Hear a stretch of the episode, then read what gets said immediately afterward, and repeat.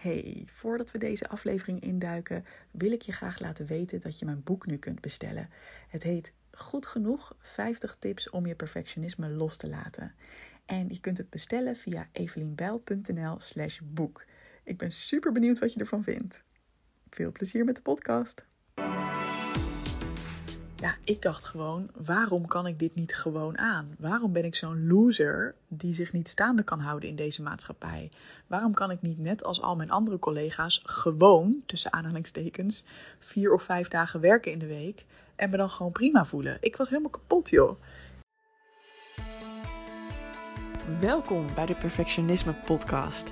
Mijn naam is Evelien Bijl en als ex-perfectionist help ik je graag op weg naar een relaxter en gelukkiger leven door minder streng voor jezelf te zijn. Mijn motto voor jou als je vaak gestrest of onzeker bent: hey, je bent niet gek en je bent niet alleen. Veel luisterplezier.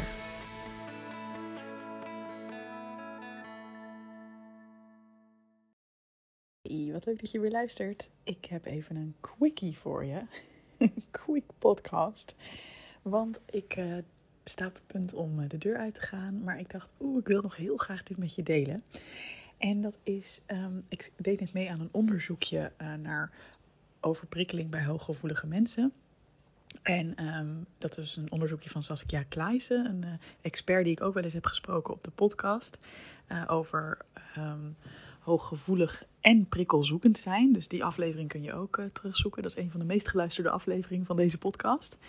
Um, en zij heeft nu een stagiair en die doet een onderzoek naar dus, wat zijn oorzaken van overprikkeling bij hooggevoelige mensen en ook hoe kunnen we dat uh, ja, gaan voorkomen, zeg maar.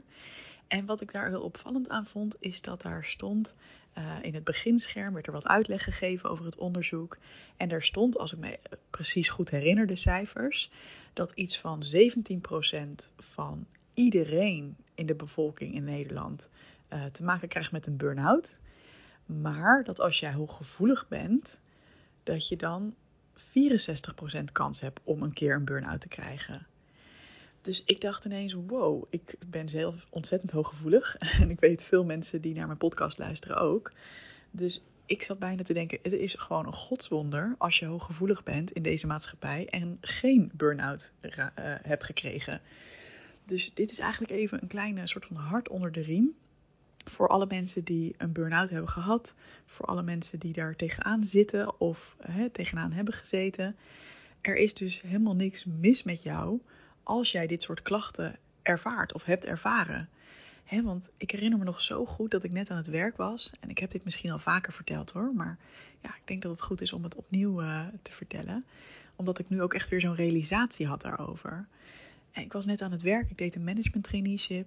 En ik dacht echt, wat is er mis met mij? Ik was zo gespannen de hele tijd, zo onzeker. En um, ja, frankly ook gewoon best wel overprikkeld. Um, alleen snapte ik toen nog niet helemaal wat dat soort dingen inhield. Ik wist nog helemaal niet wat hooggevoeligheid was. En ja, ik dacht gewoon, waarom kan ik dit niet gewoon aan? Waarom ben ik zo'n loser die zich niet staande kan houden in deze maatschappij? Waarom kan ik niet net als al mijn andere collega's gewoon, tussen aanhalingstekens, vier of vijf dagen werken in de week en me dan gewoon prima voelen? Ik was helemaal kapot, joh. Um, ik merkte ook dat ik op een gegeven moment in mijn sociale leven uh, ja, gas terug ging nemen, omdat ik dacht, oh nee, niet nog meer verplichtingen. Dus ik ging zeg maar ja, hoe intensief ik mijn werkweek vond, dat ging ik compenseren met weinig dingen doen, hè, weinig verplichtingen proberen op te zoeken, uh, s'avonds en het weekend. Maar ook daar voelde ik me dan vaak schuldig over. Van ja, jeetje, uh, die vriendin heb ik al heel lang niet gezien. Of uh, weet je wel, oh, die verjaardag, ja, daar moet ik eigenlijk wel heen. Dus ik voelde me aan alle kanten soort van uit elkaar getrokken. Alsof ik overal bij moest zijn en dat alles eigenlijk te veel was.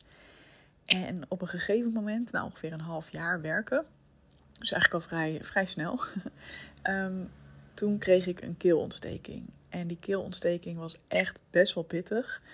Uh, ik kon op een gegeven moment zelfs bijna niet meer praten. Um, en hij ging maar niet over. Dus elke keer dat ik dacht, oh, nu gaat het wel weer wat beter, ging ik natuurlijk veel te snel weer aan het werk. Want ik voelde me er super schuldig over dat ik ziek was. En ja, het, het, was gewoon echt niet goed, zeg maar. En uiteindelijk heb ik wel besloten om twee weken, ja, volgens mij ben ik iets van twee weken ziek gemeld geweest. Nou, Ik heb me nog nooit zo ongemakkelijk gevoeld en schuldig gevoeld als in die tijd.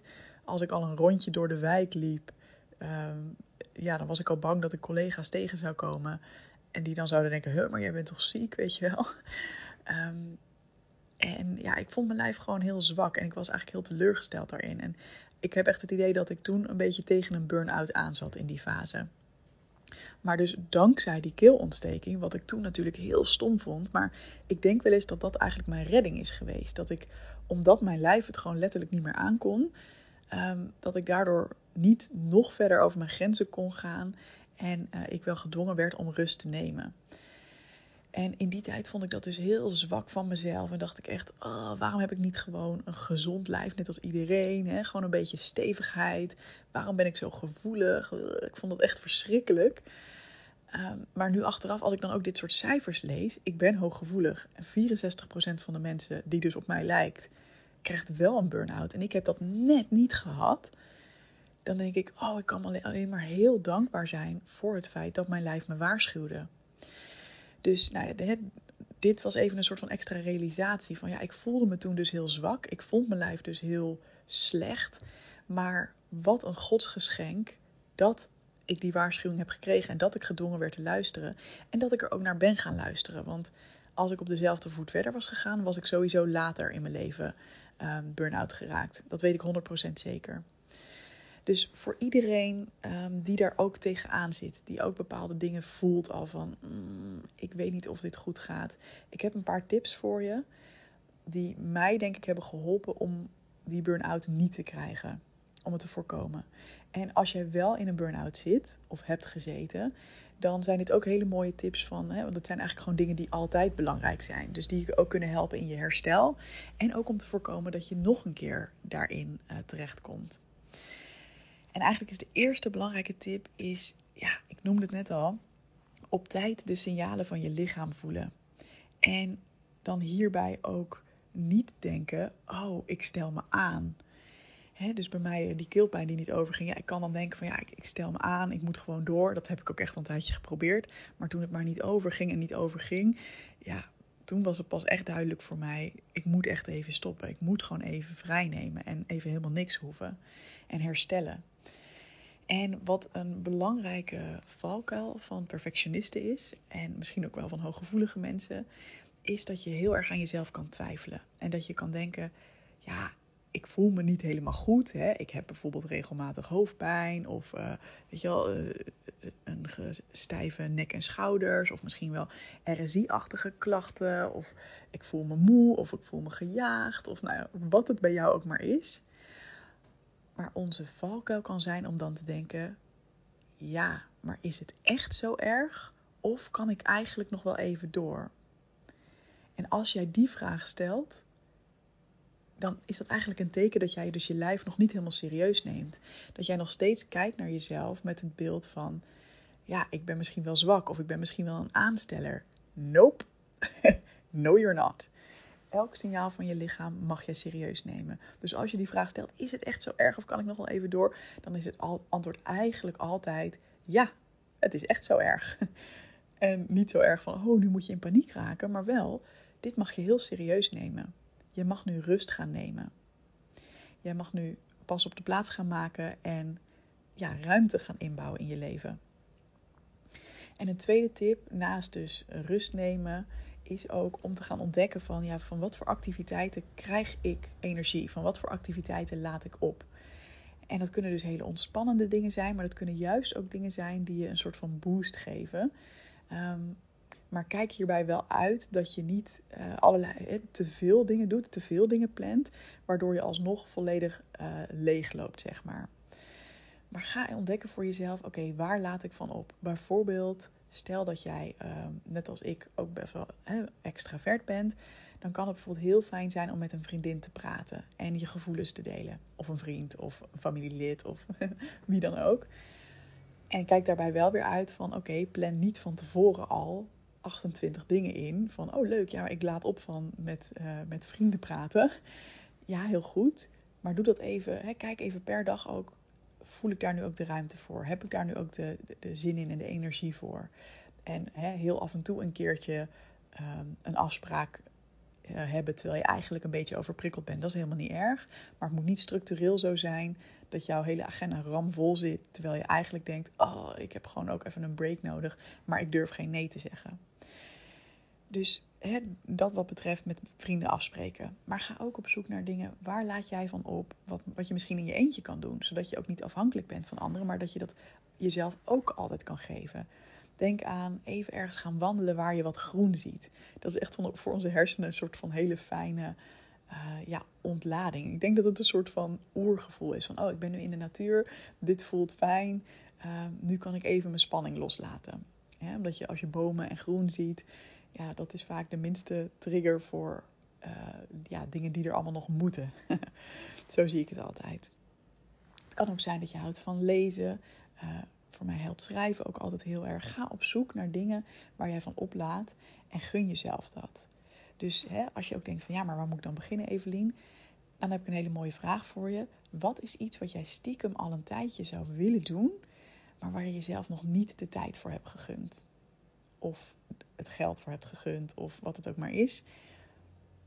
Er komt nu vast iets in je op van, oh, eigenlijk verlang ik naar puntje, puntje, puntje. En kun je dat gewoon liefst nog vandaag doen, of in ieder geval deze week al gaan doen? Hoe lekker.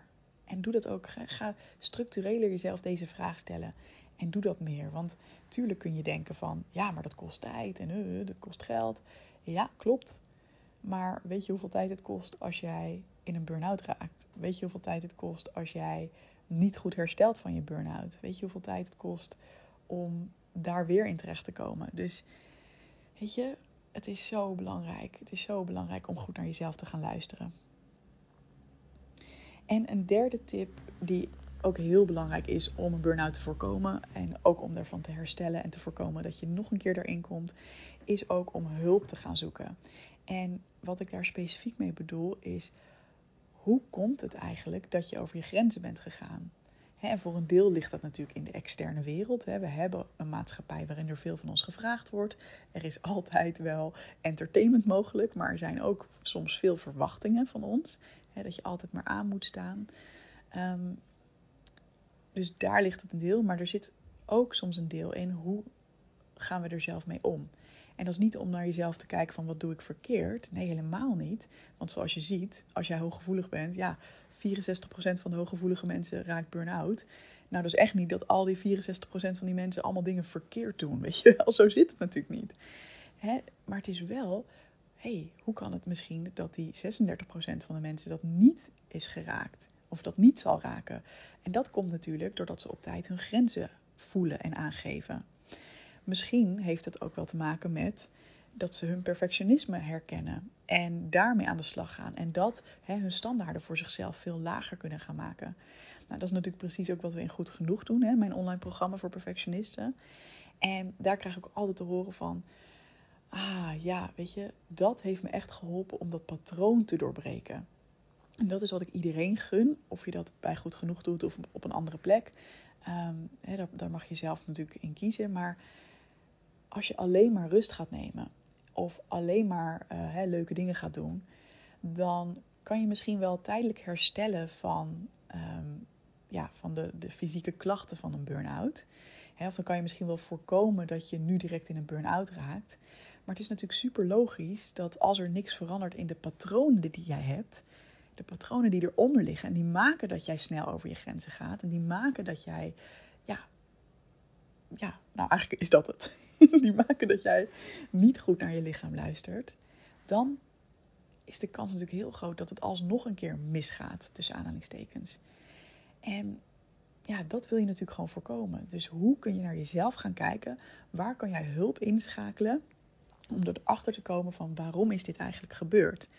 En het, natuurlijk, het kan soms zijn dat de uitkomst is: oh, mijn werk past niet bij mij, dus ik moet een andere baan zoeken, hè, een fijnere omgeving die meer bij mij past. Dat kan zeker een uitkomst zijn. En alsnog, ook daarvoor is een soort van introspectie nodig. Is een soort van nodig dat je even tijd neemt om te kijken: hey, hoe ziet mijn leven eruit? Wat heb ik nodig? En ook waar zeg ik allemaal ja tegen? En wat voor lat leg ik mezelf op? En hoe kan ik daar veel relaxter in worden naar mezelf toe?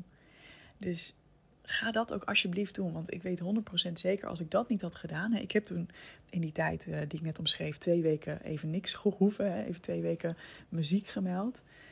Um, maar als ik daarna gewoon weer op de oude voet was verder gegaan en niet had gekeken naar, ja, wat gebeurt er eigenlijk bij mij? Dan weet ik zeker dat ik op een later punt alsnog burn-out was geraakt. En ik heb met best wel veel pijn en moeite ben ik erachter gekomen, oh wacht, ondanks dat ik niet dacht dat ik perfectionistisch was, want ik had daar een heel ander beeld bij. Ik dacht, ja, ik doe toch niet alles perfect en ik snap ook wel dat je fouten kan maken. En weet je wel, mijn huis is een, altijd een teringzooi, dus ik ben heus niet uh, een perfectionist op elk gebied ik ben erachter gekomen dat ik daar wel last van had. Dat ik heel veel van mezelf uh, eiste. Dat ik vond ook dat ik me altijd goed moest voelen. En dat er iets mis met me was als ik me niet goed voelde. En als ik onzeker was, dat ik dacht, ja, shit, ik zit niet goed in elkaar, want ik ben onzeker. Of ik ervaar stress. En langzaam maar zeker heb ik geleerd, nee, het is helemaal niet gek om je onzeker te voelen. En het is ook helemaal niet gek om stress te hebben. En hoe kan ik daarmee omgaan? En hoe kan ik mezelf steunen? In plaats van, er is iets mis met mij en ik moet veranderen. Alright, ik heb daar dus best wel lang over gedaan. Ik gun het jou dat het wat sneller gaat. Dus uh, als jij voelt van ja, stiekem weet ik wel hè, dat ik gewoon tegen een burn-out aan zit. Of ik heb hem al gehad. En uh, ja, ik, ik heb het nog niet helemaal onder controle, zeg maar. Qua dat ik snap wat er nou aan de hand is. En dat ik dat ook echt aan het doorbreken ben. Uh, ja, dan gun ik jou natuurlijk heel erg dat je daar hulp bij gaat zoeken. En ook nog even terugkomend, hè. Uh, ik noemde als eerste tip: luister naar je lijf. Het is soms niet. Soms vind ik het ook heel moeilijk om ons lichaam te voelen. Dat vond ik ook altijd. Dus dan, het kan ook zijn dat je gewoon merkt dat je op een bepaalde manier dingen denkt of voelt of doet. Dus misschien voel jij de lichamelijke signalen nog niet zo sterk. Um, maar voel je wel dat er veel gedachten zijn van ik moet dit en dit mag niet verkeerd gaan. En als ik maar niet door de man van, weet je, een beetje van die angstige gedachten en van die dwingende gedachten. Dat is ook een belangrijk signaal. Of als je merkt, oh, ik neem helemaal geen pauzes. Of, oh, ik heb het idee dat ik altijd maar door moet. Of, ik mag geen nee zeggen. Weet je, dat er dat soort gedachten en patronen in zitten. Dat zijn natuurlijk ook waarschuwingssignalen. Dus het hoeft niet alleen maar puur lichamelijk te zijn, maar het kan eigenlijk op nog veel meer gebieden zijn. Uh, bijvoorbeeld ook emotioneel.